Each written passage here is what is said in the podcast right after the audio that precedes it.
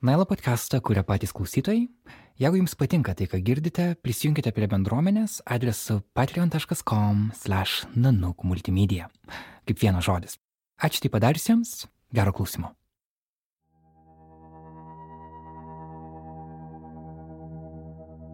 Getė dominavo keli jausmai - nulatinis alkis, nulatinė mirties baimė, nuolatinis skaičiavimas, kiek praėjo dienų, nieko nesimokiau, aš noriu, noras mokytis ir noras pasakyti pasauliui, kas čia įvyko. Atrodė, kad tai neįmanoma. Yra žmonių, kurių gyvenimai įkūnija visą epochą. Irena Veisaitė viena jų. Gimusi tarp kurio Lietuvoje, žydų šeimoje, ji išgyveno holokaustą. Jos mama - ne. Tada ji matė, kaip kiti artimieji yra tremiami Stalino. Ilena Veisaitė turi visas priežastis pykti ant pasaulio, bet renkasi to nedaryti. Tai, kas buvo padaryta Hitlerinės valdžios ir Stalino valdžios, yra baisu. Mano motina buvo nužudyta labai, labai man. Tai su tuo niekada negalėjau iki galo susitaikyti. Bet aš nenoriu atkartoti ir ką man yra duotas tas patirtis. Tam, kad aš suprasčiau, kokia ji yra baisi ir niekad kitam to nepadaryčiau.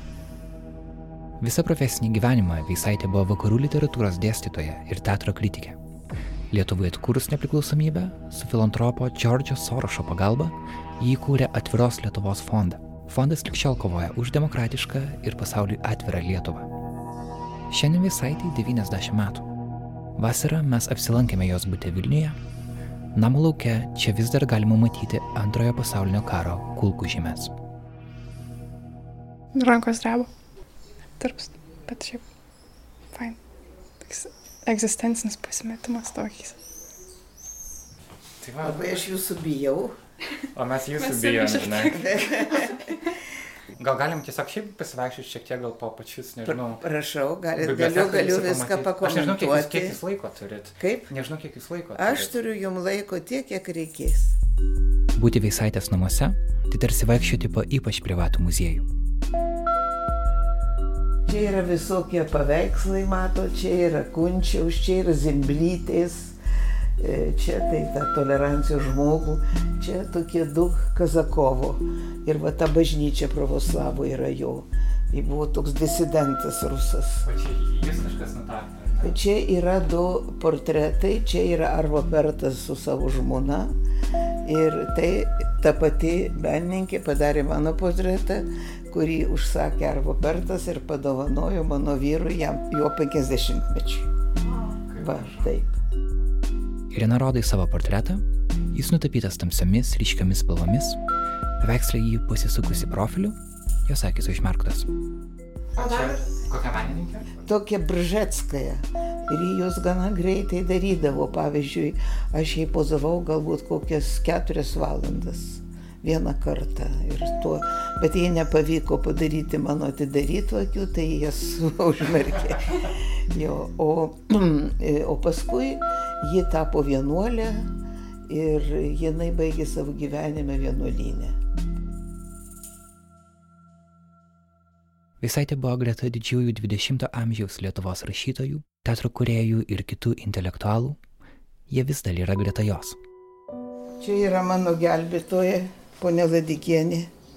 Čia jo sunus Linas, kuris liko Lenkijoje ir niekada į Lietuvą negrįžo, net lietuvių kalbą užmiršo.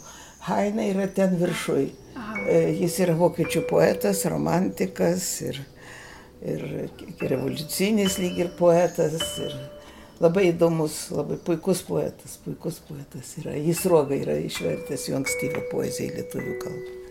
Šitie du paveikslai tai yra tokio rusų e, dailininko, ten yra mano mylimas herojus Don Kichotas, o čia yra kaip Rubliovas eina nusilenkti Feofanui Grekui savo mokytojui, jie ikonas piešė, žinot, Rubliovą.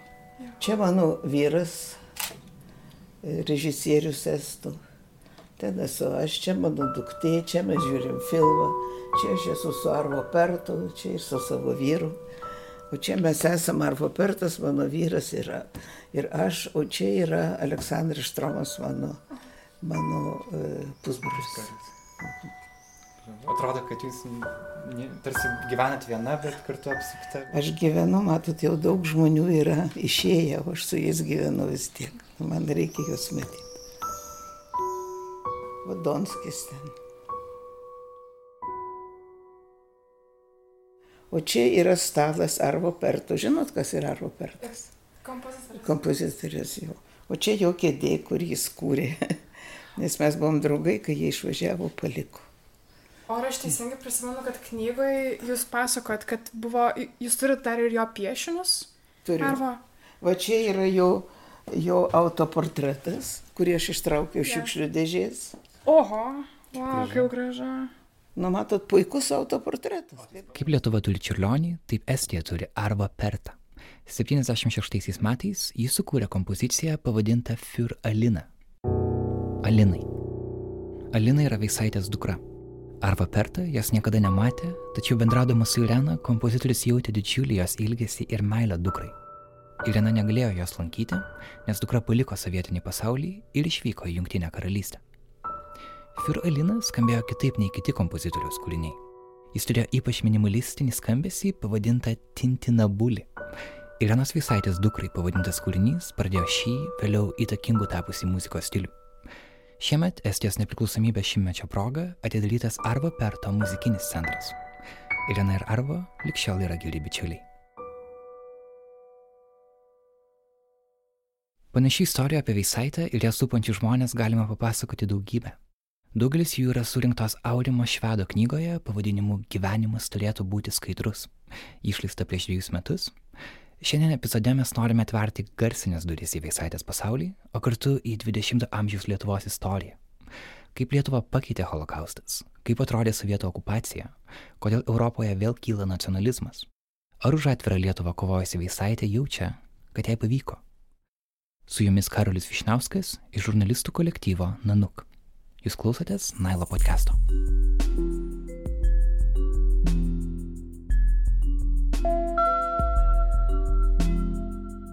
Pirmą kartą epizodą įrašinėjome per du kartus. Pirmojoje dalyje girdėsite Nanuk fotožurnalisto Artūro Morozovo pokalbį, o antroje su Irena kalbėsiuosi aš ir kolegė Gintarė Kulytė. Mes su Artūru tyčia nesitarėme klausimų iš anksto, kad galėtume duoti jums skirtingas perspektyvas į tą patį žmogų. Tai bus netrumpa kelionė, bet tikime, kad labai svarbi. Kviečiame ją eiti kartu. Visai neseniai žiūrėjau susitikimą su Leonidu Donskiu Vytauto didžiojo universiteto teatre. Jisai kalbėjo apie tai, kad labai trumpai tariant, kalbėjo apie tą žmogaus nepažinumą. Apie mokslo galbūt bejėgiškumą pažinti žmogų iki galo. Bet didžiulį norą pažinti žmogų ir siekį. Kartais net pavojingą siekį pažinti žmogų. Ir, ir buvo jo ta viena mintis, kurią irgi labai supaprastinsiu, kad mes tų akademinių teorijų ir mokslo pagalba galim paaiškinti labai daug ką. Bažnyčios galios atsiradimo istorija, kaip kūrėsi universitetai Europoje svarbiausi, kaip atsirado ta tokia vienokia ir kitokia minties galia, kaip kilo. Tai institucijų, o ne žmogaus pažinimas. Gali-. Jis sukūrė žmonės, bet vis dėlto kūrė institucijas. O, o pavyzdžiui, Büchneris, kuris yra parašęs tą garsią pjesę Dantono mirtis, jis parašė, kad e, pažiūrėjus į žmogų, matai visada bedugnę. Darosi kartais baisu pažiūrėjus.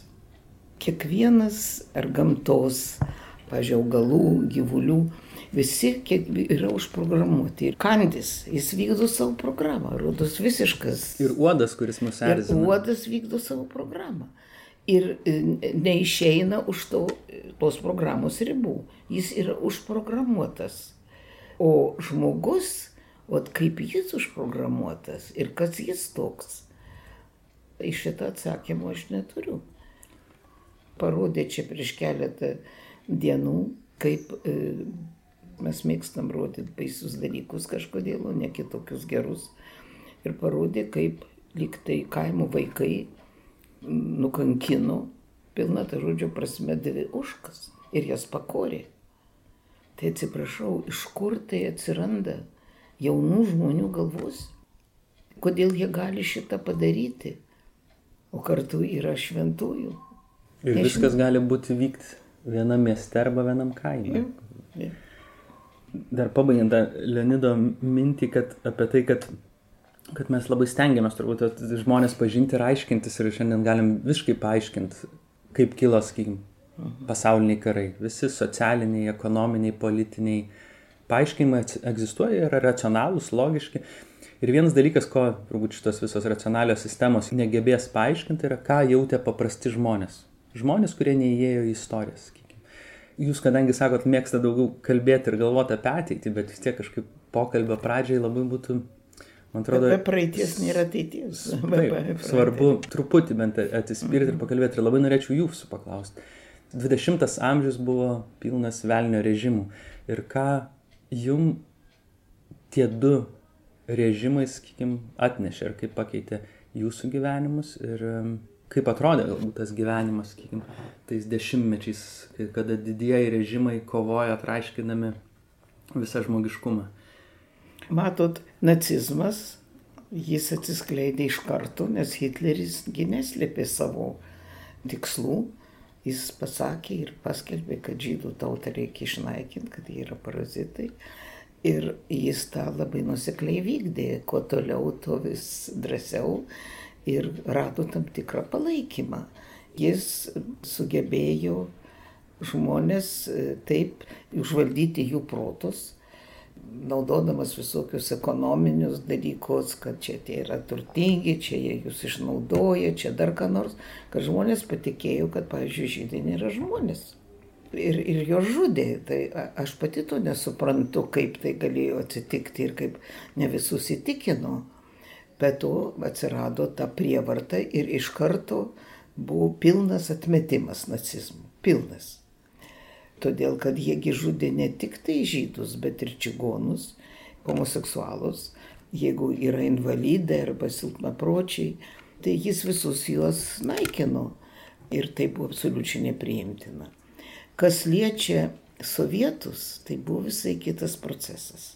Stalinas nebuvo toks atviras kaip e, Hitleris.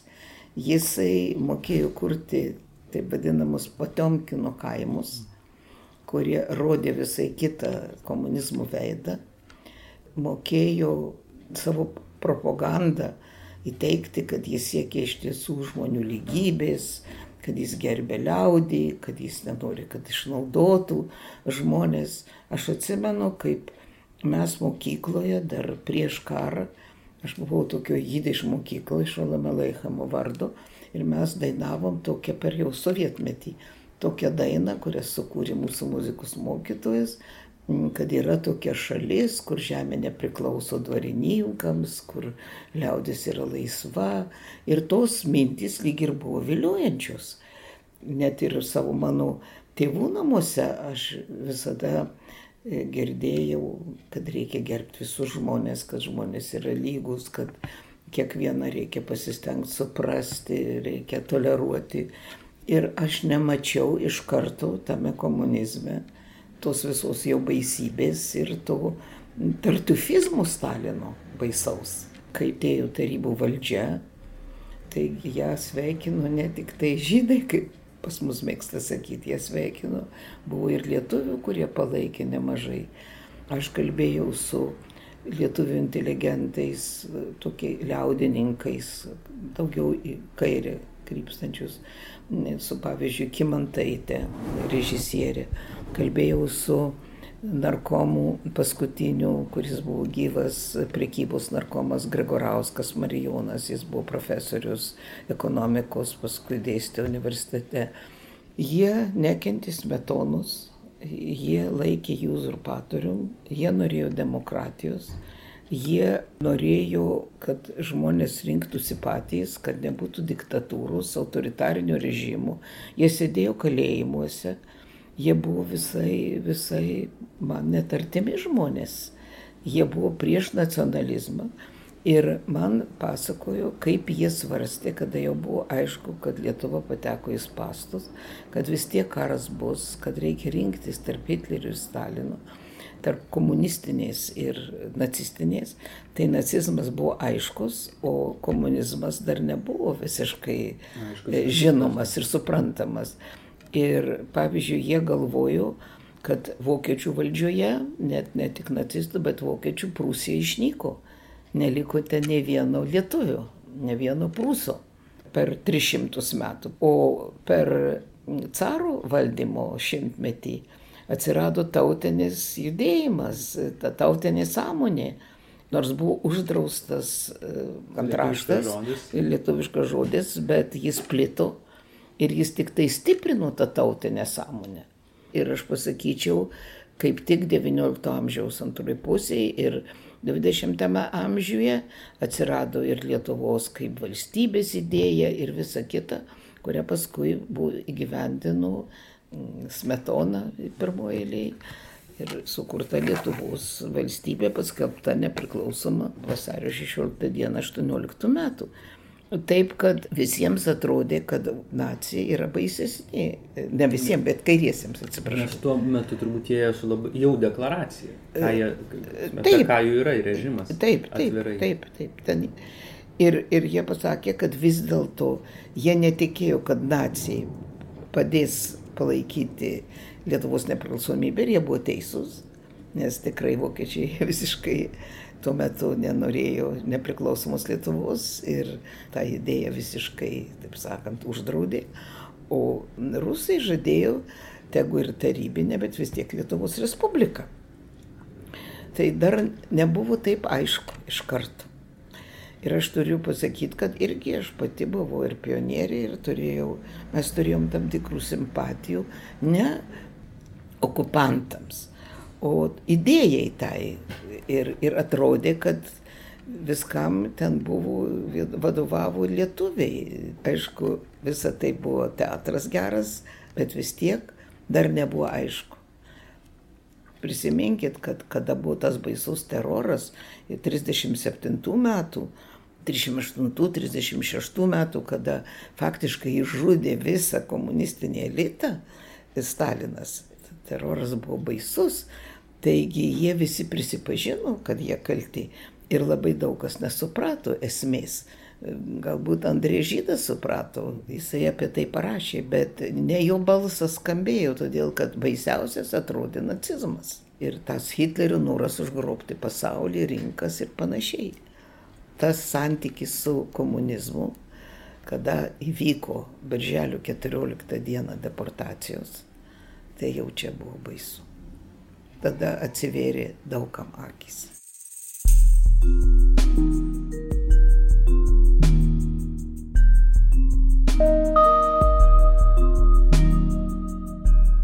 Praeitą kartą pas jūs lankiausi, jūs rodėte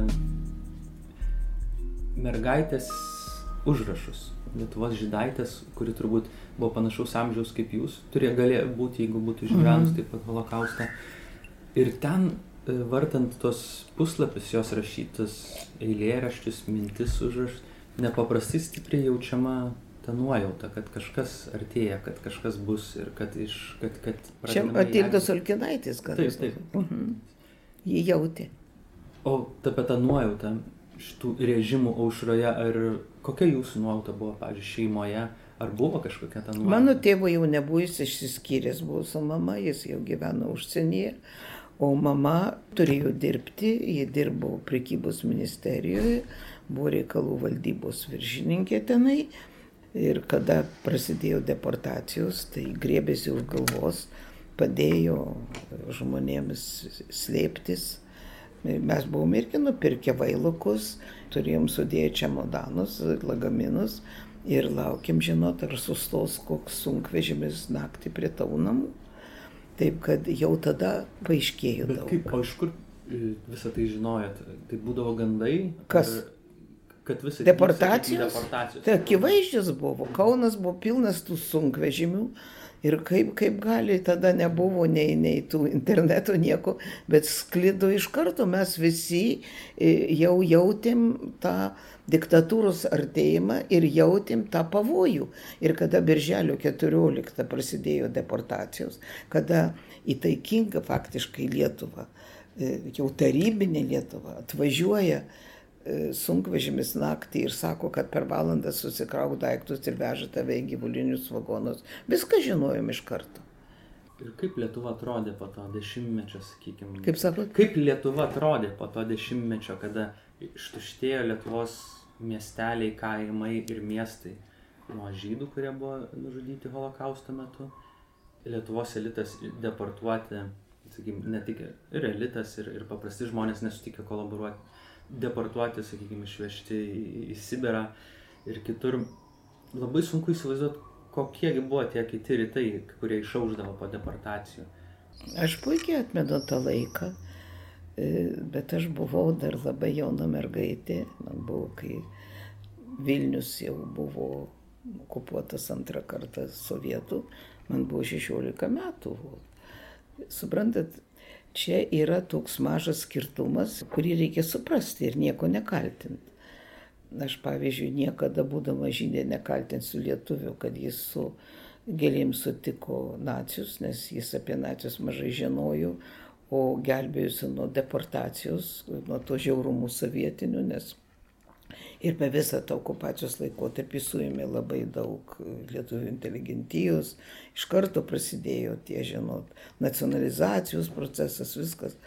O žydai irgi nukentėjo nuo tarybų valdžios labai. Buvo išvežami į Sibirą, buvo nacionalizuotas jų turtas, ką tik nori. Bet žydui, kaip ten bebūtų, vis tiek tarybų valdžia dar žadėjo gyvenimą, kad ir Sibirė. Bet jis ten buvo toks pat kaip ir visi kiti. Galėjo išgyventi, galėjo žūti, ten daug jų žuvo. Bet vis tiek, kada atėjo antroji okupacija prasidėjo, man tai buvo išlaisvinimas. Aš tapau tokia kaip visi. Aš nukentėjau irgi, mano mama antroji buvo išvežta į Sibirą Aš vaikščiau po kalėjimus ir mane e, persekiojo saugumas ir visą, ką tik norit, bet visus persekiojo. Aš nebuvau išskirta ir pasmerkta mirti vien dėl to, kad aš gimiau žydė. Mes niekas nepasirinkom savo tautybės. Ką jūs galite pasakyti, kad jūsų nuopelnas, kad jūs gimėte tokiu ar kitokiu, jokio nuopelno. Taip sakant, taip jūs buvote užprogramuota. Mes Lietuvoje nevertinam pergalės prieš Hitlerį. O visas pasaulis matė pirmoji eilėje kaip didžiausią pavojų Hitlerį, kuris norėjo užkariauti pasaulį, kuris jį buvo užkariavęs beveik visą Europą, kuris labai žiauriai elgėsi su žmonėmis, kuris įkūrė tuos konslagerius. Nu, buvo irgi truputėlį, turbūt beprotis, nežinau pergalė prieš Hitlerį yra irgi pergalė, mūsų Lietuvos pergalė. Aš esu perskaičius programą OST, kuri yra, e, buvo Hitlerio programa e, sukurta mūsų, mūsų teritorijoms, kai, kai bus laimėtas karas. Tai mes visi būtumėm atsidūrę, ne žydai, bet lietuviai būtų atsidūrę už Uralo todėl kad vis tiek laikė lietuvius žemesniais. Tai yra labai sudėtingas klausimas ir man atrodo, kad mes, jeigu jau ne tik emociškai suvoktumėm, bet iš esmės tai mes suprastumėm, kad pergalė prieš Hitlerį irgi yra pergalė. Kare žuvo apie 3,5 milijono vokiečių tam, o Stalinas paklojo 19 milijonų rusų. Tai jūs pagalvokit. Jūs pagalvokit, nu ten ne tik rusų, bet ir visų ten tarybų, 19 milijonų. Visą tai išgyvenus kažkaip, kaip, nežinau, kaip netapti žmogumi norinčiu keršto arba blogio. Ir man labai įdomu, kaip jūs O čia tai... viso to atsiribot, atribot režimus nuo tautos ir kaip ne, nebūt piktam ant tam tikrų tautų.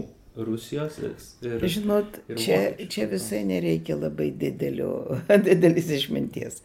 E, reikia tiesiog įveikti kažkokį tokį instinktą savo ar ką aš nežinau. tai, kas buvo padaryta Hitlerinės valdžios ir Stalino valdžios, yra baisu. Mano motina buvo nužudyta, labai, labai man. Tai su tuo niekada negalėjau iki galo susitaikyti ir, ir nesusitaikau. Bet aš nenoriu atkartoti ir ką man yra duotas tas patirtis. Tam, kad aš suprasčiau, kokia ji yra baisi ir niekad kitam to nepadaryčiau. Tai yra svarbiausia. Mes su mano draugu Kaziu Saja labai ilgai svarstėm, kam duota kančia žmogui. Kodėl reikia žmogui patirti kažkokius labai sunkius išgyvenimus, kokią nelaimingą meilę, arba tėvų mirtį, arba vaiko mirtį, arba dar ką nors.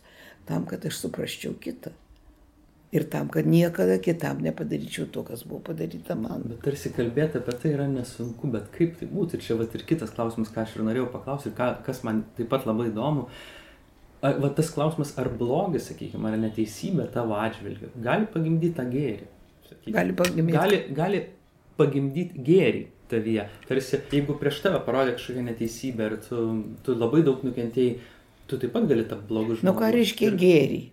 Aš tai nepagimdo gėrių, aišku, kad nepagimdo gėrių, bet aš suprantu, kad to negalima e, pakartot, todėl kraujas šaukėsi iš kraujo, kerštui nėra galo. Ir mes dėja, dėja, dauguma dar žmonijos gyvena gentinio mentaliteto lygiai, kada viena gentis žudė kitą. Mes grįžtam prie to klausimo, kas yra žmogus, aš nežinau. Tai aš jūs dar noriu dar paklausti apie visą vieną pažintį. Hmm. Su šia pažintimi mane supažindino Donatas Puslys. Tai yra, norėjau jūsų paklausti apie Reglindą Rauką. Aha. Reglindis Rauka. Reglindis Rauka. Mhm. Ir pokalbis Donatas su ja buvo iš tikrųjų, man ilgai pasiliko ir kažkaip ne, mhm. ne, neapleidžia ir vis, vis, vis prisimenu jį. Ir gal galėtumėt jūs truputį papasakot, kas yra Helmundas Rauka ir kas yra Reglindis Rauka ir kaip jūsų ta pažintis įvyko? Helmutas Rauka yra nacijų partijos narys, turbūt labai tikėjęs Hitlerių, arba žmogus, kuris norėjo padaryti karjerą ir jis ją padarė. Jis buvo paskirtas Kauno geto viršininku. Ir jis pravedė e, didžiąją akciją, ne tik vieną, bet pagrindinė didžioji akcija, kuri vyko 41 metų spalio 28 e, dieną. Tada buvo arti 10 tūkstančių žydų išvarytų į 9 fortą ir 29 dieną visi sušaudyti. Aš irgi stovėjau ir jis lėmė mano likimą. O aš stovėjau su savo seneliais. Seneliai iš vienos pusės, senelis iš kitos. Jie sunkiai vaikščiojo, senelė turėjo aukštą kraujospūdį, senelis vaikščiojo su lasdelė. Faktiškai aš buvau apsirengusi mamos rūbais, užsidėjau liemenėlį ir įkišau tenai e, koinės, kad turėčiau krūtinę, kad atrodyčiau kaip moteris, užsidėjau mamos batus, ten irgi įkišau koinės, nes dar mano koja buvo biški mažesnė už mamos. Mes nuo šešių rytų stovėjom toj demokratų aikštėje, nes visiems buvo įsakymas palikti namus, karas namuose tą sušaudys. Ir mačiau, kaip dalį paėmė į vieną pusę, kur jaunesni į kitą pusę. Kiek aš prisimenu, geroji pusė buvo dešinė, o blogoji buvo kairė. Aš stovėjau viena su, su savo seneliais. Jau praėjo mano teta ir mano Voldemaras, mano pusbrolis ir tetos vyras praėjo į gerąją pusę. Atėjo mano eilė. Aš turėjau tuo metu, aš žinau, kad aš turėjau ant gamtinę galę. Aš, aš ir dabar jaučiu, kad senelį ir senelį laikiau taip, žinot, jau laikėsi už mano parangės, bet aš juos taip, vat, truputį lyg ir. Ir aš jam žiūrėjau tiesiai akis tam raukai. Nežinau, jis turbūt irgi jau buvo pavargęs nuo visko, aš išgirdau, kaip jis pasakė, e, kad ta mergaitė turi gražias akis iki dešinę. Aš jį taip hipnotizavau, kad jis turbūt nematė mano senelių. Ir tada aš pradėjau su jais bėgti į tą gerą pusę ir taip likau laikinai gyva, kaip ir mano seneliai. Mes galėjom grįžti į getą ir ne, nepatekom dar į tą devintą fortą, kur kitą dieną visi buvo sušaudyti. Aš galiu suprasti, kad Helmutas Rauka vykdė įsakymą kaip partijos narys, kaip viršininkas iš aukščiau, iš Berlyno, jis turėjo atrinkti, jis turėjo įvykdyti savo pareigą, kaip žinot, befėlis, befėl, kaip vokiečiai sako. Bet aš dar žinau dar kitą istoriją su Rauka, e, kuri yra susijusi su kompozitorium Edvinu Gaistu. Apie jį yra knyga. Nenoriu jums dabar ilgai pasakotos istorijos, bet Edvinas Gaistas e, buvo kompozitorius jaunas, jis buvo pusiau žydas, jo tėvas žuvo pirmam pasauliniam kare, vokiečių pusėje gynė, o jo mama ir jo teta buvo vokietis, įžogino, ne jis ką žinojo, ar jis žydas ar nežydas. Bet kai atėjo Hitleris, jis gavo 35 ar 6 metais įsakymą, kad jam uždrausta rašyti muziką, jis gyveno tik muziką, jis buvo, žinot, toks romantikas toks. Ir jam uždrausta rašyti. Tuo metu Berlyne mokėsi ir Jokubėnas, lietuvių kompozitorius, jie susidraugavo su Gaistu. Ir Jokubėnas pakvietė jį į Lietuvą. Ir Rūdos jis atvažiavo 38 ar 9 metais į Lietuvą pasisvečiuoti. Ir jis ten čia įsimylėjo tokią pianistę jauną žydaitę Lydą Bugranskytę apsivedė ir tokiu būdu pateko į pirmąją sovietų okupaciją. Ir jis net negalėjo, jo neišleido į motinos laidotuvės, kuri mirė 400 metais. Jis pateko vėl, atėjo vėl nacijai ir jis nuėjo su savo žmona į getą. Jis buvo ne, ne šio pasaulio žmogus labai mylėjo savo žmoną ir jis sėdėdavo ten prie stalo ir kažką grodavo, kurdavo ir jisai nyko, nyko ir pagaliau lyda, jo žmona jam pasakė, tu žinai ką, tu vis dėlto gyvokėtis, nueik pas rauką, gal tave išleis, tu gyvensi. Draugų jis turėjo daug lietuvių mieste. Jisai nuėjo pas rauką, jį išleido su sąlyga, kad jis išsiskirs su žmona. Jis išėjo iš geto ir pašventė visą laiką tik tai lydos išgelbėjimui. Padarė fantastišką tokią sukūrė istoriją. Jis nuvažiavo į Lytų su savo lietuviais draugais ir paliūdėjo, kad Lyda yra ne savo tėvo duktė, o yra kažkokio lietuvių ar lenkų duktė, vienu žodžiu, nežydų, kad ji irgi yra pusiau žydė. Ir jis prašė Raukos, kad ją išleistų. Ir Rauka išleido ją su sąlyga, kad jie sterilizuosis. Jie buvo labai laimingi, jie jau buvo mieste su savo draugais, jau muzika, jau viskas nuostabu, Lyda gavo tokį darbą, dirbo kartu su Jėva Simonaitytė, kuri ją palaikė. Visi jiems sakė, bėkit, išnykit, o jis jam, ne, jam negalvoja jam tam Edvinui buvo negalvoju, nes jis buvo laimingas, jau jam daugiau nieko gyvenime nereikia. Jis realybės, man atrodo, iki galo taip ir nesuvokė, ar suvokė, nežinau. Jie nesisterilizavo, jis svajojo apie sunelį Peterhin ir gruodžio pradžioj Raukas suėmė. Ir po dešimties dienų jį sušaudė devintam forte o jo žmona, sužinojusi, irgi nusižudė.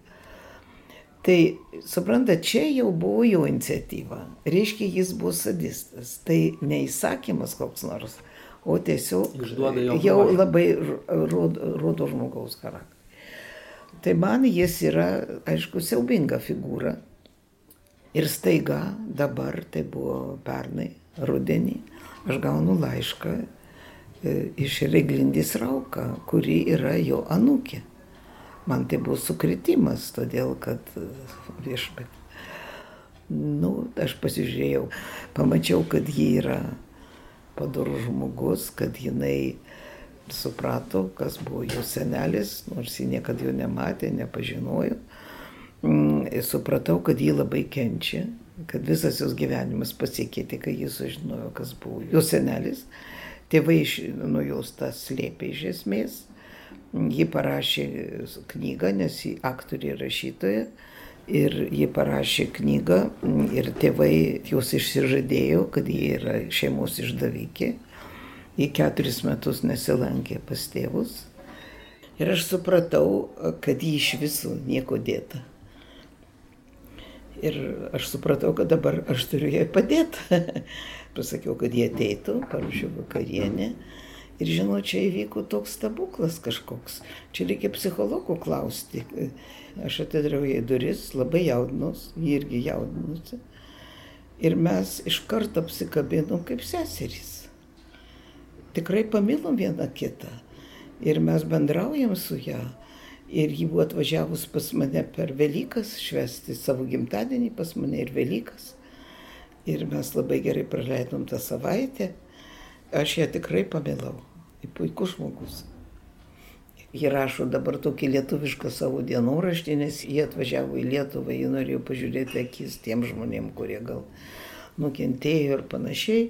Bet jie visi labai gražiai priėmė, visi. Aš tada dar atsimenu, nupirkau, kai grįžau jau į Vokietiją, aš nupirkau medaus tokį net suvenyrinį ir parašiau laiškelį jos tėvams. Irgi, nu ką dabar, ką jiem piktant jų, kad jie taip galvoja, jie taip galvojo. Aš manau, kad jie buvo, jie gal ir iki galo nesuprato.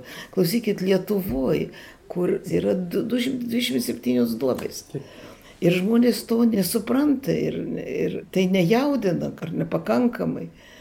Dabar tik atsirado tokie. Tai ką čia norėti, tai aš jų irgi nekaltinu, kad jie, jie šitaip galvoja. Aš manau, kad jie yra padorų žmonės, jie nieko nežudė, ko jie, ką jie kalti dėl tai.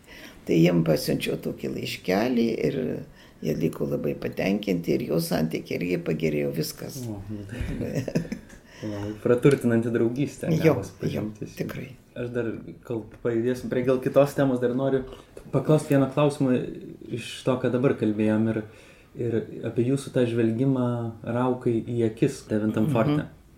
Ir mano draugas Tomas Šaltmeris, skaitydamas jūsų knygą, atkreipė į, į tai dėmesį ir, Ir labai panašiai ir Justinas Mikutis sakė, kai 41 metais kretingoje jis įsimaišęs į, į, į žydų būdą. Jo yra irgi neatsiminimas, gal tiksliau jo perpasakotas jo draugų, bet jis apie tai daug, daug kalbėjo, e, apie tai, kad kai 41 metais vedamų žydų e, koloną jisai įsimaišė ir kai vokietis jau visus išrikiavo, jis išlindo ir sakė, ką jūs darot, ką jūs darot. Mhm. Ir jam atsuko pistoletą į galvą. Jisai sakė, kad aš taip pažiūrėjau jį, kad daviau jam suprast, kad aš šito pasiūlymo būti nušautam atsisakau. Mhm. Ir jisai daug, daug apie tai kalbėjo, šitą mintį, kad tarsi tai yra dviejų žmonių susitarimas - budelio mhm. ir aukos. Ir jeigu viena iš pusių atsisako būti nušauta, sakykime, mirt, tai to žmogaus, kuris nenori mirti, jo neįmanoma nužudyti. Mhm. Ir įdomu labai jūsų mintis apie tai, kaip manote, iš kur tokiais momentais pas tam tikrus žmonės, ne visus, bet pas tam tikrus žmonės atsiranda toks noras gyventi ir nepasidavimas. Žinot, tas noras gyventi buvo vienas stipriausių jausmų getė. Ir motivacija to buvo, kad reikia pasakyti pasauliui, kas čia įvyko, todėl kad visiškai nesuprantama. Jūs įsivaizduokite, esate normalus žmogus, niekam nieko blogo nepadaręs. Staiga jūs ne žmogus, jūs neturite teisės vaikščioti šaly gatvių, visi atsisuka nuo jų. Jūs neturite teisės nusipirkti e, duonos kepalų, jūs negalite eiti į normalią krautuvę, jūs išskirtas esat. Visi bijo su jumis bendrauti. Nu, tai, yra, tai yra baisu, tu nėra kur dėtis. Nėra kur dėtis. Ir taigi žmonės, tie, kur, su kuriais tu gyvenai. Aš žinot, pati po molėtų e, supratau iki, galbūt iki galo tiek, kiek man yra duota, supratau tą tragediją, kuri įvyko. Buvo molėtų, kurie vyko prieš... Tai metus. ten buvo, ta, jo, kur buvo. Eisime. Tad, nes aš pati ėjau ir gana ilgas kelias Ir aš bandžiau įsivaizduoti visą tai ir aš supratau, kad ten duobė guli žmonės, kuriuos viena po kito, taip sakant, tokiais sluoksniais dėjo, šaudė ir dėjo duobę. Aš nesuprantu, kodėl jie nesipriešino. Man labai įdomu, tas sekundinis momentas, aš esu fotografavęs ir konfliktus ir labai artimai esu gyvenęs su kariais ilgą laiką ir aš labai matydavau tarp daugelį karių, sakykime, susitaikymą su lemtim. Tarsi sugalvojama, kad tavo lemtis tai yra mirti. Ir tai pasireiškia, pavyzdžiui, ankstyvi bruožai yra Tai yra, kad nes, pradeda nebesirūpinti higieną, nebesivalyti dantų. Ir kai ateina lemiamas momentas, žmogus "Nu, susitaikęs tarsi tam. O kiti turi visiškai stiprią valią, kuri niekada nepasiduos ir kaip Mikutis sako, jis tokio žmogaus neįmanoma nužudyti. Mhm. Labai įdomu, iš kur tai, iš kur tai kyla. Nežinau, iš kur, iš kur tada tu taip turėjau ant gamtinę galę tikrai. Ant gamtinę. Ir aš labai norėjau gyventi. O dominavo, getė dominavo keli jausmai. Nulatinis alkis, nulatinė mirties baimė, nulatinis skaičiavimas, kiek praėjo dienų, nieko nesimokiau, aš noriu, noras mokytis ir noras pasakyti pasauliu, kas čia įvyko. Atrodė, kad tai neįmanoma.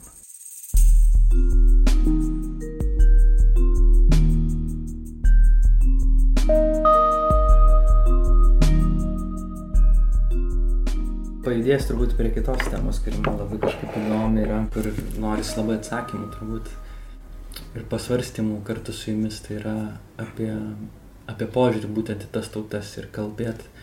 Požiūris į kitas tautas. Požiūris būtent į tas tautas, nuo kurių mes esame nukentėję. Ir konkrečiai tai noriu kalbėti apie rusų tautą ir Kremliaus režimą.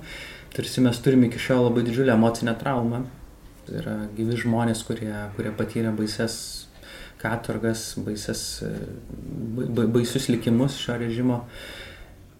Ir yra dar, manau, ir mūsų valstybė, ir mūsų demokratija. Daugybę metų turbūt mes po nepriklausomybės, aš taip įsivaizduoju, nežinau, per jaunas esu tam, bet man atrodo, kad daugiau buvo vilčių ir man atrodo, mes iki galo nesuvokėm sovietmečio tam tikrų padarinių ir tą, ką ir aš dabar darau su ta knyga ir man atrodo irgi tai viskas labai yra susipinę ir viskas labai susiję ir tikrai turime emociją ir turim turbūt tą teisę kažkokią pykt. Prie to prisideda turbūt ir dar ir šiandieninės Rusijos politika, kuri bando labai istoriją ir atmintį naudot kaip savočką ginklą, kaip propagandą. Mes matome, to, matome, kas dedasi aplink mus, tokios tautos, kurios panašaus likimo kaip mes, sakykime, kaip Ukrainos, kaip Gruzijos tauta. Ir man labai įdomu būtų jūsų paklausti, kaip gebėt atskirt, sakykime, tautą nuo režimo. Ir kur yra ta riba tarp tokio moralinio stubro, tvirtybės ir rusofobijos. Kada tai gali. Ir kur yra riba, sakykime, tarp, to, tarp tos atjautos, supratimo ir užleidimo savo pozicijų. Visų pirma, nepasiduokite totalitariniai ideologijai. Čiagi yra labai ribotas galvojimas, kad Kaip jūs galit, pavyzdžiui, lyginti su Hitlerių režimu Goethe, Lessingą, Tomą Maną, Heinrichą Maną, Brechtą? Ką jie turi bendro? Tai, kad jie yra vokiečiai, kad jie kalbėjo vokiškai ir rašė. Tauta niekada negali būti kalta. Tautoje yra įvairių žmonių, kiekvienoj tautoje. Yra išdavikų, yra šventųjų, yra stebėtojų, yra aktyv, aktyvistų, visokių yra. Ir niekada, niekada negalima pasiduoti tam nacionalizmui, kad mes, pavyzdžiui, sakykime, visi vokiečiai yra hitlerininkai arba yra blogi. Tai netiesa. Net ir Hitlerio laikais, nu tikrai ten buvo jie, dauguma palaikė vis dėlto Hitlerį, bet galbūt iki galo ir nesuprato visko. Ir pagaliau ne visi palaikė. Buvo tokių, bet jie tylėjo, nes bijojo. Man net baisu, kai jūs sakot, kaip atskirti. Yra rusų kultūra, yra rusų tauta, kurioje yra šventųjų, kur yra tikrų inteligentų, kur yra žmonių, kurias aš galiu sekti, kurie man yra pavyzdys ir yra karjeristų, aptemdytų. Pavyzdžiui, dar, dar skiriasi Stalino laikai ir Putino laikai, bet aš stengiuosi niekada nevartoti žodžio rusai, aš vartoju žodį bolševikai, sovietai, o dabar Putino režimas. Ir tarp kitko šiandieną buvo labai tokia laida per žinių radiją. Ir vienas žmogus labai gražiai atsakė. Jis sakė, duokit kaltinti rusų tautą, prie ko čia rusų tauta? Čia rusų tauta padėjo mums iškovoti nepriklausomybę. Jakovlevas atvažiavo leido sąjūdį. Šimtai tūkstančių žmonių stovėjo ir palaikė Baltijos nepriklausomybę. Jeigu yra bent viena, vienas toks rusas kaip Sakarovas arba kaip Kovaliovas, kurie labai stipriai prisidėjo prie mūsų nepriklausomybės. tai ką čia kalbėti? Ką čia kalbėti? Tai čia yra totalitarnis mąstymas, tai yra aptemimas, tai yra fanatizmas. Ir mes labai darom didelę žalą šiandieną, kad kalbam apie, apie rusų tautą. Negalim apie Aš dėl to šį klausimą ir uždaviau. Ne, to, kad Jokių būdų. didžiulis rusofobijos pavojus. Tai, tai yra Tarnauja tam pačiam. Va, tai, tai ir yra pavojus ir mūsų mąstysenai, ir mūsų, mūsų tapatybei. Pagaliau nei vienas iš mūsų nepasirinko tautos, kurioje gimė. Visiems mums tai yra duota. Tai nėra nuopelnas didelis, kad tu toks ar kitoks.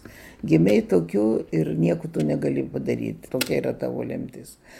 Bet e, pasakyti apie tautą, kad jinai yra baisi, kaip sako, jūs pažiūrėkit, jeigu kalba žydai, visi jie mėgsta pinigus, jie tokie, šitokie apgavikai, jūs pažiūrėkite, kiek žydai davė pasauliui pagaliau ir tikėjimą, ir, ir kultūrą, ir muzikoje, ir visose srityse rašytojų. Nu yra tikrai dideli nuopelnai. Žydai Vokietijoje buvo didesnė vokiečiai už pačius, už pačius Lygiai taip pat vokiečius. kaip ir Rusijoje, kiek Jo. buvo Irgi. yra talentingų žmonių. Taip, labai.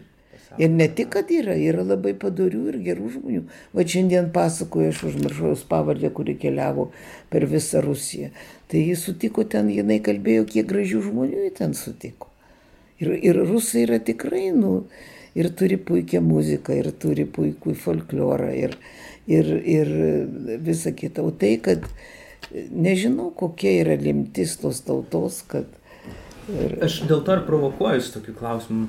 Vat man ir yra įdomu, net jeigu mes kalbame apie, sakykime, rusų kultūrinį paveldą, e, ne, nepaprastas, nežinau, iš tikrųjų gilias intelektualinės e, pamatus tam tikrus, kalbam apie Vokietiją ir tuo pačiu, e, kur davėm tiek mąstytojų, bet tuo pačiu šitose teritorijose gimė velnio režimai.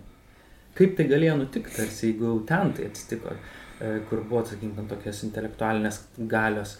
Ir įdomu labai apie tą žmonių tą pristaikymą, gal konformizmą Na, matot, čia, galim- ga- čia galima, aš nemanau, kad tą reikia ieškoti tautos, e, nu, galbūt tai yra tam tikra prasme.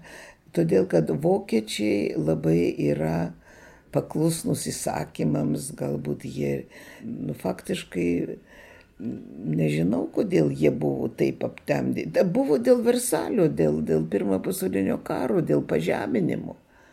Ir dabar yra labai panaši situacija. Rusija yra irgi e, kažkur, jie nori, ką, ko nori Putinas, nori būti pripažintas pasaulyje. Aš nežinau, čia jau reikia Donskio. daugiau jisai daugiau supranta Taip, negu.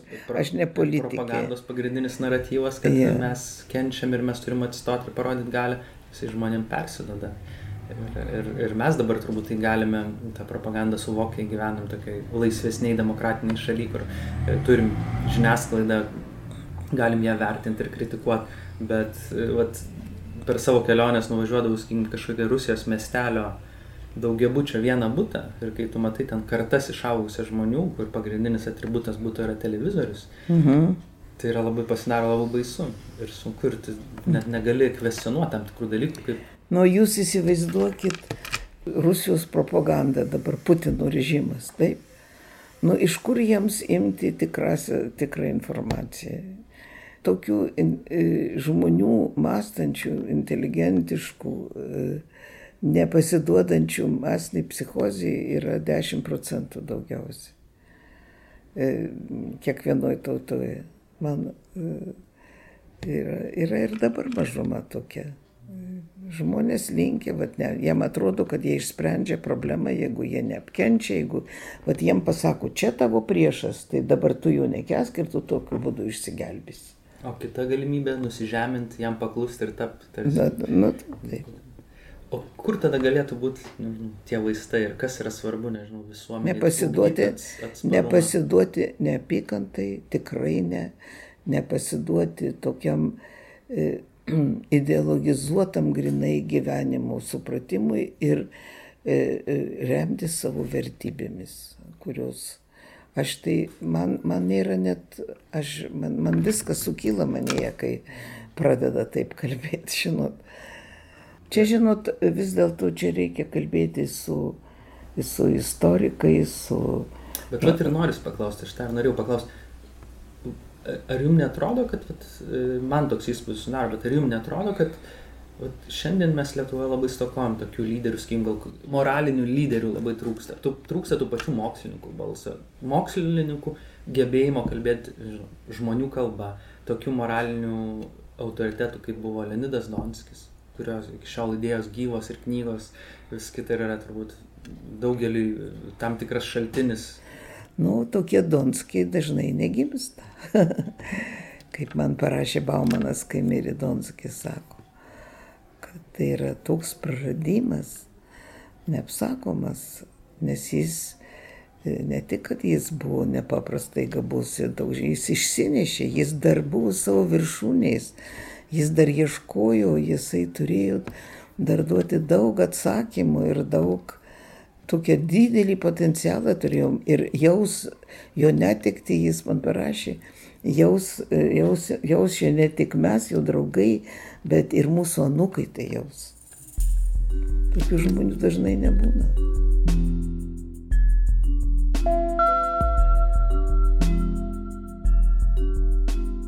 Ačiū, kad esate kartu. Tai buvo Arturo Morozovo ir Irenos Visaitės pokalbis. Per pertrauką noriu padėkoti mūsų klausytojams, kurie palaiko šias pokalbius per Patreon platformą. patreon.com pasvirasis brūkšnys, nanuk multimedia, kaip vienas žodis, toks yra bendruomenės adresas. O taip pat ačiū mūsų nuolatiniams partneriams, kompanijai MailerLite ir Benedikto Gylio paramos fondui. Jų investicija į naujos kartos žurnalistiką yra esminga.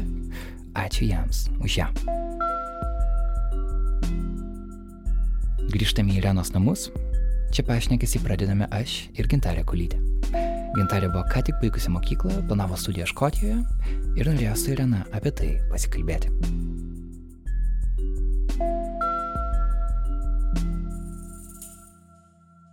Jūsų knygą skaitant labai įsiminė akcentavimas to, kad yra labai svarbu gyventi dabartyje, tai galbūt galim iš karto ir prieiti prie to klausimo.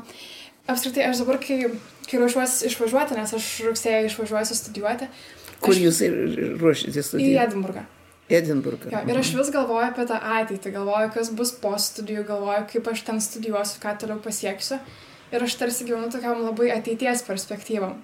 Tuo tarpu kalbu su savo seneliais ir jie kažkaip labai daug kalba prisiminimais ir labai dažnai akcentuoja tą praeitį. Ir tada aš galvoju, kad yra labai nedaug žmonių, kurie iš tikrųjų taip tą dabartį, taip brangina, kažkaip tą, taip stengiasi gyventi dabartimi ir mane labai sužavėjo, kad jūs būtent um, stengiatės gyventi tą dabartim, tai kaip galbūt tą dabarties branginimo būseną pasiekti ir kaip, kaip gyventi dabar? Čia nereikia siekti, čia savaime, jūs savaime sprendžiat savo šios dienos klausimus, ar ne? Matot, aš negaliu pasakyti, kad aš negalvoju apie praeitį. Aš manau, kad praeitis mus visus formuoja ir be praeities mes esame niekas faktiškai. Žiūrėkit, aš žinau vaikus, pavyzdžiui, mano tokių draugų šeima Anglijoje įsidukrino mergaitę iš Kinijos.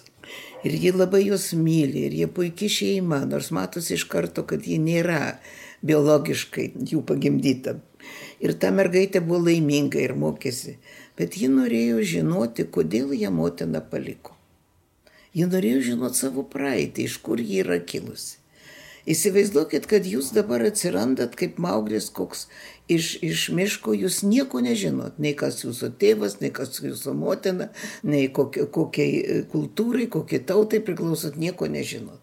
Jūs jaučiatės nepilnavertiškai, nejaukiai. Ta praeitis yra labai svarbi vis tiek. Ir ji tave formuoja. Ir aš negaliu pasakyti, kad man neturėjo, aš pavyzdžiui visada jutau, kad aš gimiau nepriklausomai Lietuvoje. Ir tai yra didelis mano pranašumas buvo ir tarybiniais metais. Aš turėjau kitą atskaitos tašką. Aš gimiau šeimoje inteligentiškoje, pas mus namuose buvo daug knygų. Tai, tai irgi aš manau, kad turėjo man poveikį, jau nekalbant apie abi okupacijas. Na, o po to, kaip išgyvenom tą antrąjį pasaulinį karą ir aš likau e, faktiškai be tėvų, be šeimos, be nieko, aš turėjau tik tai savo antrą motiną, ponę Ladigienę, jos šeimą, kuri mane priėmė kaip savo dukrą ir, ir pas kuriuos aš ir likau, kol jos nesuėmė. Bet reikėjogi toliau gyventi, suprantat? Vat nežinau kodėl, bet labai stiprus buvo manyje tas jausmas būti savim, neprisitaikyti. Ir aš turėjau labai daug strasdanų. Ir man visi siūlė metamorfozė, buvo toks kremas. O žinot, jaunystėje tai galvoji, nu, kas tave įsimylės, kam tu patiksi. Tai aš galvojau, ne, aš nenusimsiu tų strasdanų, jeigu mane mylės tik dėl to, kad aš neturiu strasdanų, tai man tokio nereikia. Arba buvo irgi klausimas dėl tautybės. Aš turėjau dokumentus Treigio, Treigio, tai jis buvo Felikso, jis buvo Marijampolės gimnazijos direktorius, jis savo dukters davė man e, dokumentus irgi rizikavo, jeigu pagautų. Aš galėjau mane kalbinu, lik Treigytė, Irena duktė Feliks. O aš norėjau iš karto pasikeisti, todėl kad aš nenoriu būti kita negu esu.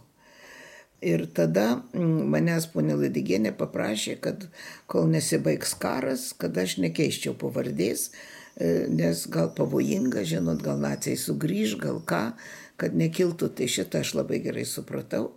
Ir aš, kai įstojau į gimnaziją Salomėjus Nerės, tai mm, aš pirmus metus ten mokiausi kaip Trigyti Irena, duktė Felikso. Bet iš karto, kai pasibaigė karas, gegužės mėnesį, aš prisimenu, aš bėgau pakeisti savo pavardę. Ir niekada jos nepakeičiau. E, todėl, kad nieko neliko iš šeimos. Ir e, kadangi buvo netaip patogu būti žydu, tai aš likau žydė. Jeigu ar priimat mane ar nepriimat, jūsų reikalas, bet aš nesikeisiu. Paskui, aišku, po holokausto ir po pirmosios e, sovietų okupacijos, po visko aš labai, labai, labai norėjau būti laisva. Ir aš net ne, nerūkiau, nors daugelis merginų rūkė, bet todėl, kad aš nenoriu priklausyti net nuo cigaretės, net nuo nikotino. Kad būčiau visiškai laisva, nuo nieko nepriklausoma. Tai buvo labai stipru. Jūs gal skaitėte Česlavą Milošą, kuris labai dažnai uh, kartodavo, kad be praeities negali būti ateities. Jeigu mes nežinom savo praeities, mes negalim kurti savo ateities. Ir todėl yra labai svarbus kritiškas istorijos vertinimas. Ir aš, pavyzdžiui, esu Šapokos mokiniai, todėl kad mano laikais gimnazijoje dėstė istoriją pagal Šapoką. Ir aš jį labai, aš apie tai kalbėjau knygoje. Mm, bet dabar aš suprantu, kad ne viskas tai savo laiku buvo reikalinga ir suvaidino savo vaidmenį. Bet šiandieną sekti šapoką jau negalima, todėl kad tai veda į tam tikrą nacionalizmą, į mūsų priešiškumą Lenkams. Man atrodo, kad mūsų žečpos polita yra nepakankamai vertinta. Aš ne istorikė, bet tiek, kiek žinau, tai buvo ir labai mes labai daug prisidėjom prie, mes buvom dalis tų žečpos politos ir statuto kūrimą, konstitucijos. Tai viskas yra ir mūsų nuopelnas, kodėl mes turim tą atiduoti. Istorijos mokymas ir jo, labai tai svarbu. Viena iš temų, kurią mes norim paliesti ir dar prie tos dabarties m, mm, galbūt pridėsiu tik. O dėl dabarties aš dar, dar pasakysiu, Aha. atsiprašau, aš ne, nepaliečiau to, nes labai jūsų platus buvo klausimas. O dabartis mane visada domino. Nes jeigu jūs skaitėt mano knygoje, aš pati buvau nustebusi, kai pamačiau tą savo anketą. Tai faktiškai aš nepasikeičiau, aš ir ieškau dabar prasmės, tiesos, aš noriu būti naudinga savo kraštui, žmonėms, aš noriu padėti, aš noriu labai pagerinti lietuvių žydų santykius, nes tai yra lyg ir man duota iš aukščiau tokia, toks uždavinys, nežinau. Aš galvojau, kad mes pakeisim pasaulį mūsų kartą. Aš pamačiau po holokausto, kad niekas jo nesidomi. Ir reikėjo kabintis į gyvenimą. Aš norėjau aktyvi būti gyvenime ir savo vertybės kleisti. Tai va tur, turbūt todėl ir, o uždavinių visada buvo labai daug. Ir visada reikėjo labai daug ką daryti, tai nelikdavo laiko praeičiai. Jūs tai įkvėpia apie, matant jūsų gyvenimą, kad ir norėjom šį interviu susitikimą sudarinti, jūs sakėt, kad štai greitai keliausite į Nidą, paskui skrisite į Londoną, paskui dar e, kitus planus turit, kad jūs atrodo nesustojate visiškai. Ir kai mes kalbinom Joną Meką, jis turėjo labai panašų požiūrį į gyvenimą, jam dabar yra 95 ir jis sako, man įdomu tik, kas vyksta dabar. Sako, man neįdomu kalbėti apie tai, kas buvo, aš žiūriu į priekį, aš turiu planų, aš turiu ką pabaigti. Ir taip pat pamenu, skaičiau mm, interviu knygą su Noam Chomsky, e, amerikiečių lingvistų, ir jisai jam beros 87 yra, ir jisai sakė, kad jo paklausė, pats paskutinis klausimas knygai buvo, sako, e, tas pašnekovas jo, o kaip uh, kaip būti tokiu aktyviu, kaip jūs esat, kaip nesustoti. Jis, jisai pateikė tokią dviračio metaforą, sako, gyventi yra kaip važiuoti dviračiu. Yra kaip važiuoti dviračiu. Taip, tu turi, uh, minti. tu turi minti ir minti greitai, nes kitaip jeigu minsi lietai, tai nukrisi. Tai nukrisi. ir uh, ir tada, tada atrodo, kad tarsi ta veikla gamina energiją ir jūs taip nepavargstat. Mes, ne, atrodo, nesame įpratę taip žiūrėti į žmonės. Kažkaip Lietuvoje atrodo, kad jeigu tu sulauki tam tikro amžiaus, tu tarsi turi sustoti. Maždaug išėjai į pensiją, tavo misija tarsi jau baigta. Jūsų misija atrodo niekada nebus baigta ir tas labai įkvepia. Susitikimas su jumis man irgi duoda energijos, duoda vilties. Aišku, ateitis yra ne nenusakoma ir vis, jūs nežinot, gal įsimylėsit kokį škotą ar anglą ir, ir liksit tenai ir panašiai. Bet aš, pavyzdžiui, žinojau visada, kad aš grįšiu į Lietuvą ir niekur kitur. Ir aš turėjau šimtą progų išvažiuoti. Ir aš niekada Lietuvos nepalikau, nes aš mačiau tik tai čia, ten, kur aš gimiau, tai neatsitiktinai turbūt, ir čia kažkur aš viską pažįstu, nu ne viską, bet labai daug, vis tiek daugiau negu bet kur kitur. Ir tai yra mano kalba, reiškia, aš čia galiu daugiau padaryti negu bet kur kitur. O uždavinių buvo daug. Man vienas tokių įdomiausių dalykų skaitant knygą buvo apskritai skaityti apie tą, atsiprašau, sovietmečio laikotarpį, e, nes galbūt aš, kai, kai mokiausi apie tą laikotarpį mokykloje, man buvo labai įdomus laikotarpis. E, bet aš kažkaip pastebėjau, kad e, mokykla suformavo tokį labai neigiamą požiūrį į tą, į tą laikotarpį ir tos žmonės, kurie veikia tuo metu. Ir skaitydama jūsų knygą, aš pastebėjau, kad galbūt viskas nėra taip paprasta ir nėra taip vienareikšmiška, nes, pavyzdžiui, e, kai jūs kalbėjote, tarkim, apie Antaną Sniečką, jūs kalbėjote knygoje apie jo teigiamas savybės, apie tai, kad jis buvo labai e, savo žodžių besilaikantis žmogus, kad padėdavo žmonėms, kurie jam padėjo. Mhm. Tai man tas labai kažkaip įsiminė Ir tada man kilo klausimas, kaip galbūt mes e, turėtume vertinti tą laikotarpį, kuris tikrai yra sudėtingas ir ne vienareikšmis. Ir kaip mums, kurie jame negyveno, jį suprasti per daug, nes nenuvertinant tų žmonių, kurie galbūt veikia, kurie buvo suklaidinti, bet kartu ir nesumenkinant visų nusikaltimų, kurie buvo padaryti. Matot, tas klausimas e, toks, tokio požiūrio ir skirstimo gyvenimo ir istorijos į juodą ir baltą, yra labai tarybinis požiūris. Komunistiniai Rusijoje buvo arba blogas, arba liaudės priešas, arba draugas. Suprasti jums tikrai yra sunku šitą visą diktatūrą, tą baisybę. Mano tėvai išgyveno pirmąjį pasaulinį karą ir irgi visokių baisybių išgyveno ir buvo ištremti iš Lietuvos, nes žydai buvo laikomi vokiečių draugais, Rusija kovojo su Vokietija ir panašiai, tai juos iškėlė iš, iš Lietuvos. Tai žinot, aš supratau, kad aš irgi apie pirmą pasaulinį karą nelabai žinau. Paskui ir nelabai išgyvenau. Mano karas tai yra antras pasaulinis karas, suprantat? Tai taip aš suprantu, kad ir jums sunku įsivaizduoti. Bet e, skirstimas į tik į juodą ir baltą yra neteisingas. Ir tai yra tarybinis požiūris, grinai toks ideologizuotas požiūris. Todėl, kad gyvenime visi mes turim ir gerų, ir blogų bruožų. Mes ir teisingus darbus atliekam, ir klystam. Tai, kad politiškai turbūt vienareikšmiškai tenka vertinti ir nacizmą, ir tarybinį laikotarpį, e, tai aš su tuo sutinku. Bet tai nereiškia, kad niekas nevyko mūsų teatras iškilo į, taip sakant, pasaulinės aukštumas, todėl kad mes atradom ezopo kalbą, metaforinį teatrą. E, tokius puikius turėjom režisierius kaip Jūražas, Nekrošius, e, Vaitkus, Tuminas, Varnas, Koršunovas. Taigi čia yra pasaulinio masto žvaigždės.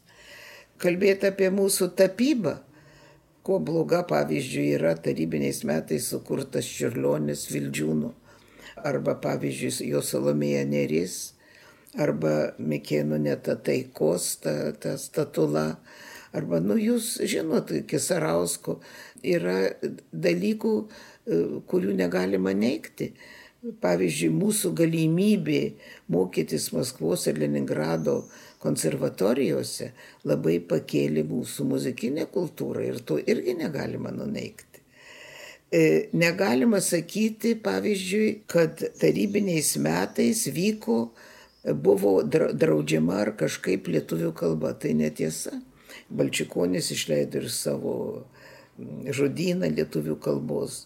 Taigi čia didžiulis yra turtas ir buvo, veikia, nu, aišku, visur buvo savo, savo ir kliučių, bet galbūt kartais e, kliūtis irgi kažką padeda sukurti. Ir taip žmoguje. Ar jūs matėt angelus? Nei dabar, nei anksčiau. Žmogus turi ir gerų, ir blogų bruožų. Aš ypatingai piktinuos, kai mes taip jau smerkiam Salomėją Nerį. Mūsų tikrai nuostabiausia poetė, tragiškai, tragiškai, e, tikrai tragiška asmenybė, kuri suprato ir savo kaltę, ir, ir kuri mirė faktiškai, gavo vėžį dėl to, kad graužėsi ir visa kita. Matot, Apie kiekvieną laiką reikia spręsti pagal jo taisyklės. E, ketvirtam dešimtmetį žmonės nežinojo to, ką žino šiandien. Ir, pavyzdžiui, buvo labai didelė Lietuvoje pozicija smetonai. Generolas Ladyga buvo pozicijoje. Mano draugės Genutė Šukytės tėvas buvo opozicijoje. Daug aš pažinojau puikių žmonių, kurie buvo pozicijoje, todėl kad laikė Smetoną uzurpatorium. Bet Smetona irgi suvaidino savo teigiamą vaidmenį. Jis konsolidavo tautą. Jis sukūrė tą tautinį pagrindą, kuris tada buvo labai reikalingas, nes be jo nesusikurtų Lietuva. Bet reikia kritiškai mąstyti. Ir istorija ypatingai svarbu, ji labai reikalinga, nes ji mus formuoja ir šiandien. Man įdomi ta mąstymo visa eiga. Jeigu jūs sakot, kad jūsų tėvas buvo e, tikėjo komunizmo idėjomis, galbūt jūs augdama irgi priemėt jas kaip, gal buvo momentas, kad jūs tikėjot, kad čia yra ateitis, bet kažkurio metu įvyko tas lūžis, kai supratot, kad tai yra, na, kad okupacija ir kad tie idealai kažkaip žlugo. Man įdomu tas, tas, tas pokyčio momentas, kada, kada ta ideologija dingo, nes ir jūsų pusbrolis e, Štromas, jis irgi iš pradžių buvo liktai tikėjo komunizmo idėjomis ir tada tapo visišku disidentu. Kaip tai vyksta, kaip tai vyko? Na, tai aš jums pasakysiu, kaip įvyko, labai paprastai. Aš irgi labai norėjau, kad žmonės būtų lygus ir kad visi žmonės būtų gerbiami. Ir mane šeimoje mokė gerbti ir toleruoti kiekvieną žmogų kitokį, gerbti jo vertybės ir panašiai. Ne iš karto viską supranti, ateina viskas su laiku ir su patirtim. Man norėjusi socialinės lygybės.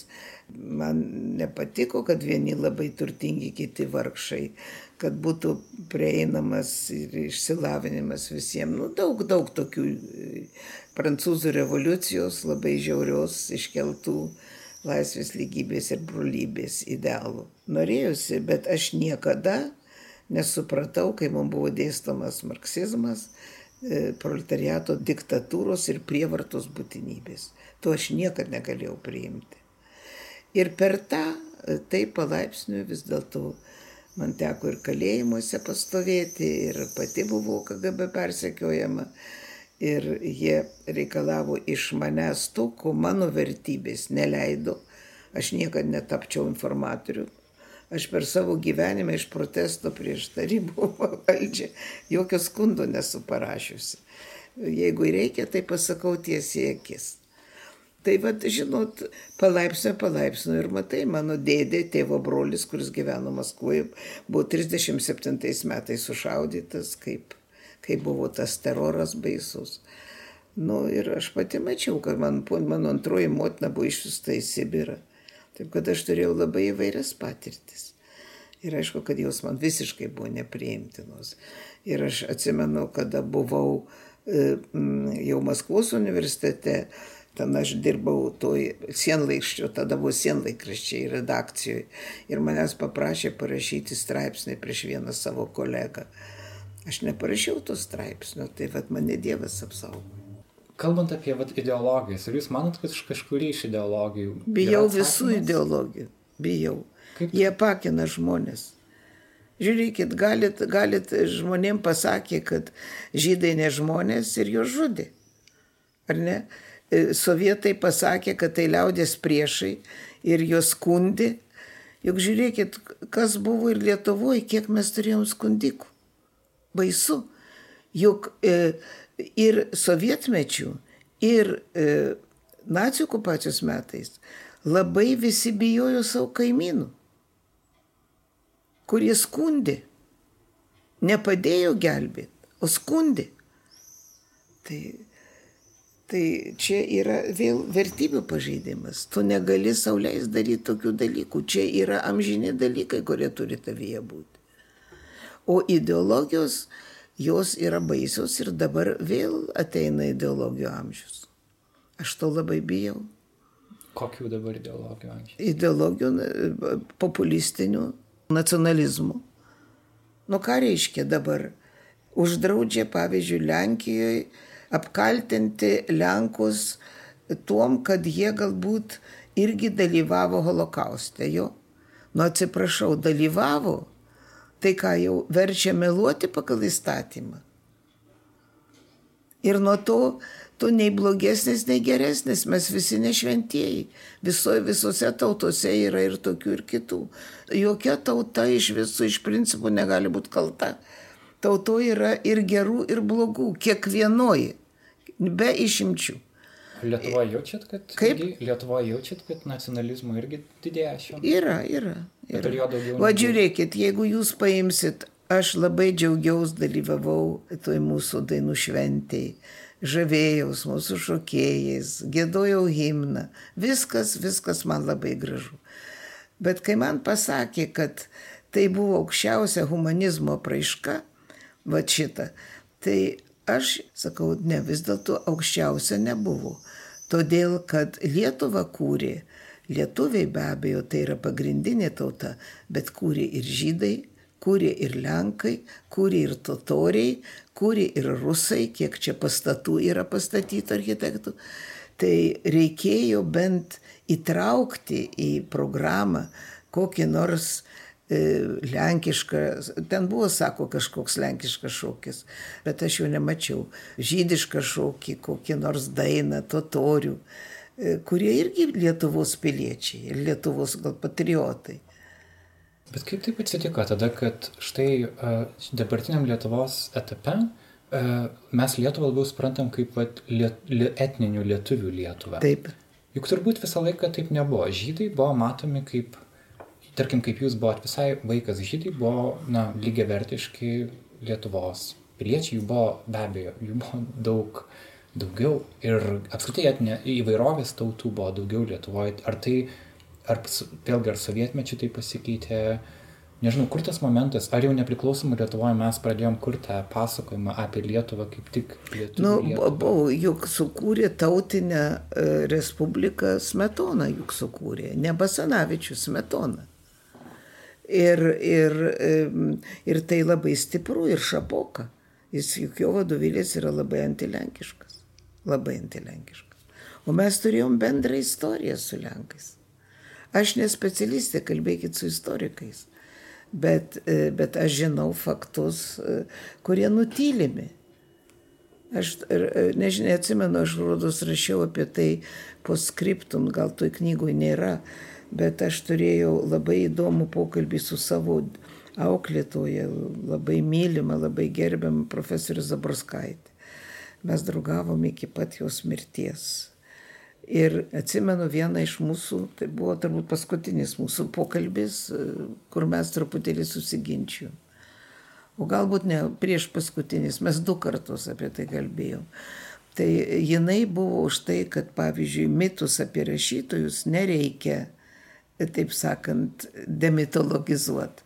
Nereikia rašyti apie Maironį arba apie Putiną detalių, kurios netatinka galbūt jo įvaizdžio arba poezijos mm, lygių ir panašiai. Aš už tai, kad būtų viskas papasakota, todėl kad mes visi žmonės, viskas, kas žmogiška mums nesvetima. Ir jeigu aš žinau detalės, man jis tampa artimesnis, todėl kad ne dievai vaikščiojo žemiau žmonės. Aš buvau už demitologizaciją. Nu, o jeigu jau kalbėti apie mūsų ginčą, tai buvo ne ginčas, bet toks pokalbis apie kudirką vis dėlto Kudirka rašė nemažai tokių antisemitinių raštų. Ir mes apie tai pakalbėjom, kodėl tai atsirado. Ir Valančius e, turi. Tai ji man pasakė, ir aš tuo tikiu, kad antisemitizmas prieš ir po holokausto yra skirtingi dalykai. Kad po holokausto arba holokausto metu Kudirka ir Valančius tikrai gelbėtų žydus. Ir aš irgi tuo tikiu. E, ir nepritartų tam žudimui. E, nu, bet yra toj tradicijoje ir ją gana sunku, bet tai yra ne, ne esmė, tai yra tradicija, kurią galima ir keisti. Pavyzdžiui, užgavinio tie, arba tokios dainos ten tas žyduką ir, nu žinot tą dainą. Ir užmuškite žyduką ar ką ten. Tai galbūt yra ir tokia ir juokais pasakyta, bet žinot, kaip sako rusai, každai šutkė dolė pravdai. Tai jūs nesuprantate, tai išversim, kad kiekvienam juokelėje yra dalelė tiesos. Galbūt mes, mes dabar truputėlį taip nukreipam nuo tos sovietmečio temos ir aš dar, dar pasilikau vieną klausimą, kuris man buvo įdomus, galbūt ne iki gal dar pakalbėjome apie jį. Tai man labai įsiminė, kad jūs um, kalbėdami apie žmonės, kurie intelektualus, kurie gyveno sovietmečiu, sakėt, kad buvo trys laikysenos žmonių. Galėjo žmogus būti visiškas disidentas, šimtaprocentinis, galėjo žmogus daryti kažkokius kompromisus su savim ir tarsi pusiau pristaikyti, bet visgi būti viduje mhm. prieš. Ir galėjo būti visiškai pritapęs prie tos sistemos. Ir jūs sakėt, kad pasirinko tą antrąją poziciją, bet galbūt buvo produktyviau, geriau pasirinkti visišką šimtaprocentinio disidento galbūt poziciją ir Kuri galbūt yra geriausia iš tų pozicijų? Nu, ne visi yra herojai.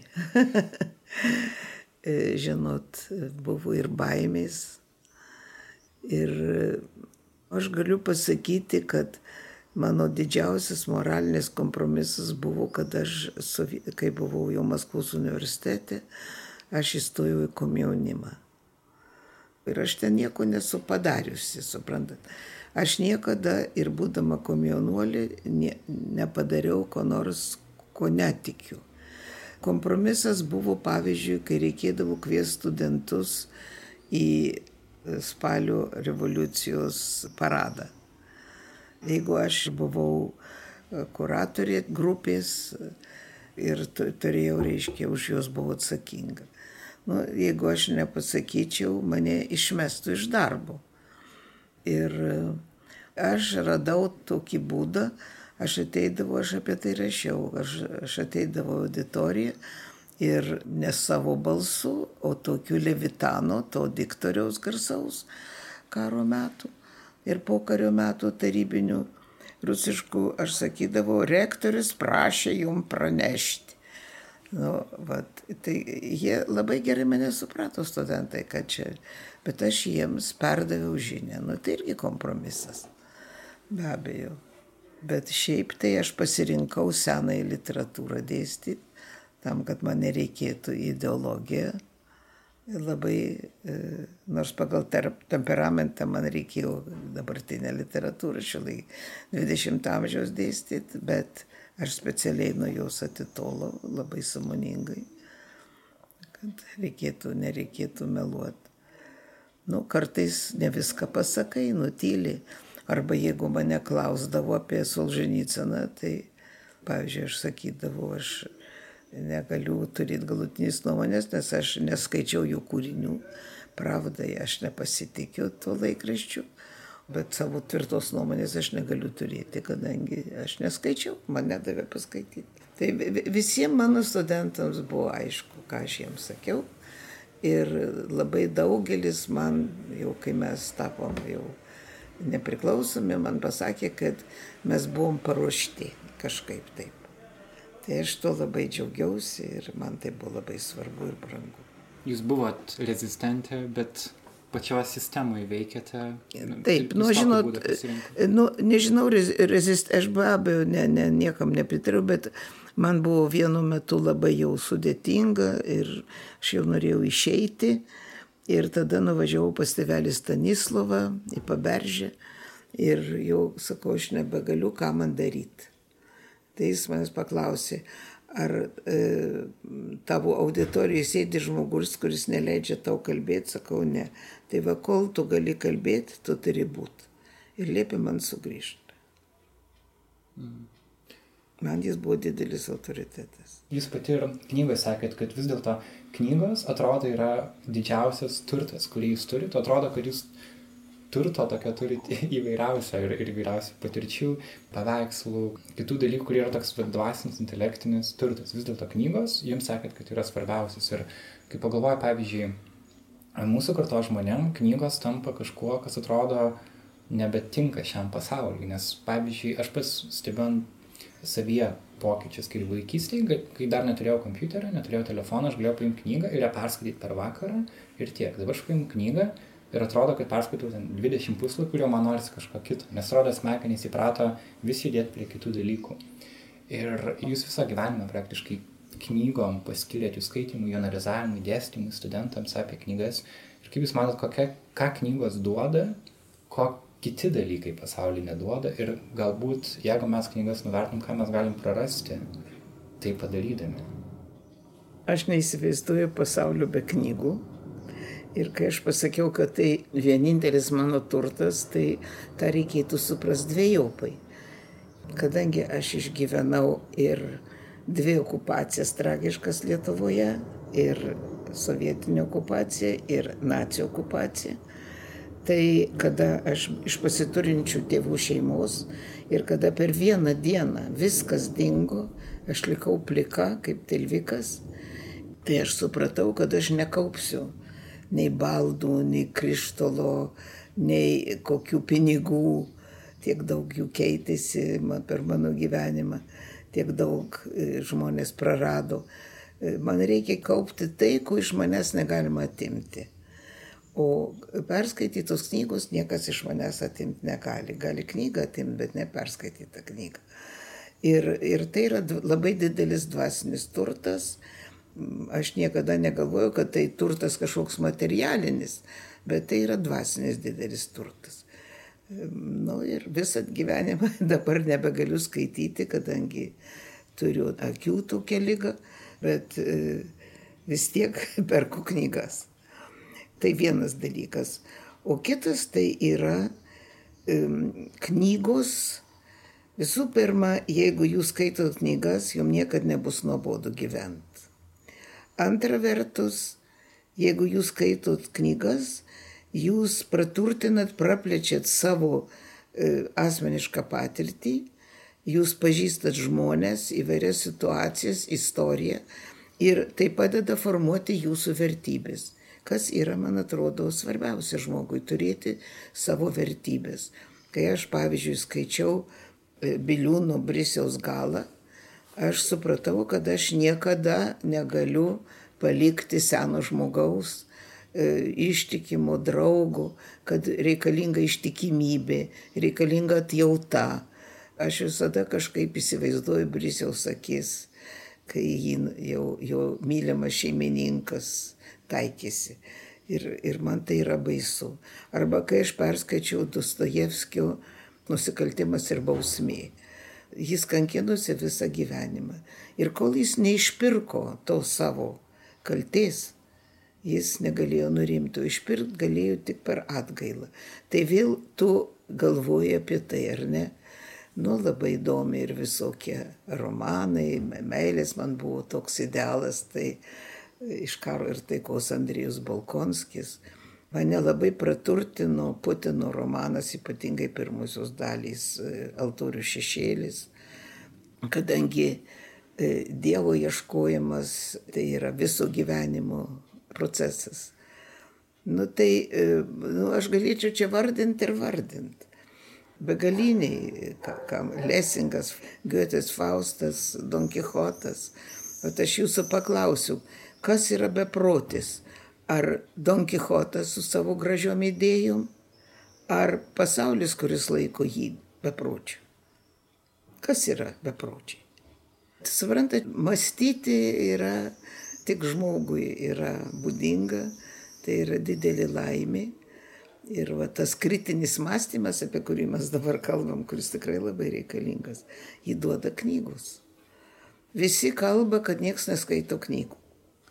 Ir kad nebereikia knygų leisti, kad yra internetas. Internetas yra toks paviršutiniškas. To Wikipedijoje yra tiek klaidų. Ir kažkodėl leidyklos neužsidaro. Pažiūrėkit, didžiausią, didžiausią pasisekimą Lietuvoje turi knygų mugį. Ir girdėjau, kad, kad dabar jau jaunimas ir televizijos nelabai žiūri. Suprantate, ten viskas yra fake biški. Jum preparuoja, o knygą jūs galite sustot, jūs galite pagalvoti, jūs galite paskaityti, jūs galite padėti. Ir tai yra labai labai svarbu. Tai yra pagrindas žmogaus. Ir manau, kad jūs visi irgi skaitot. Ar skaitysit? Jūsų knygą skaitėm.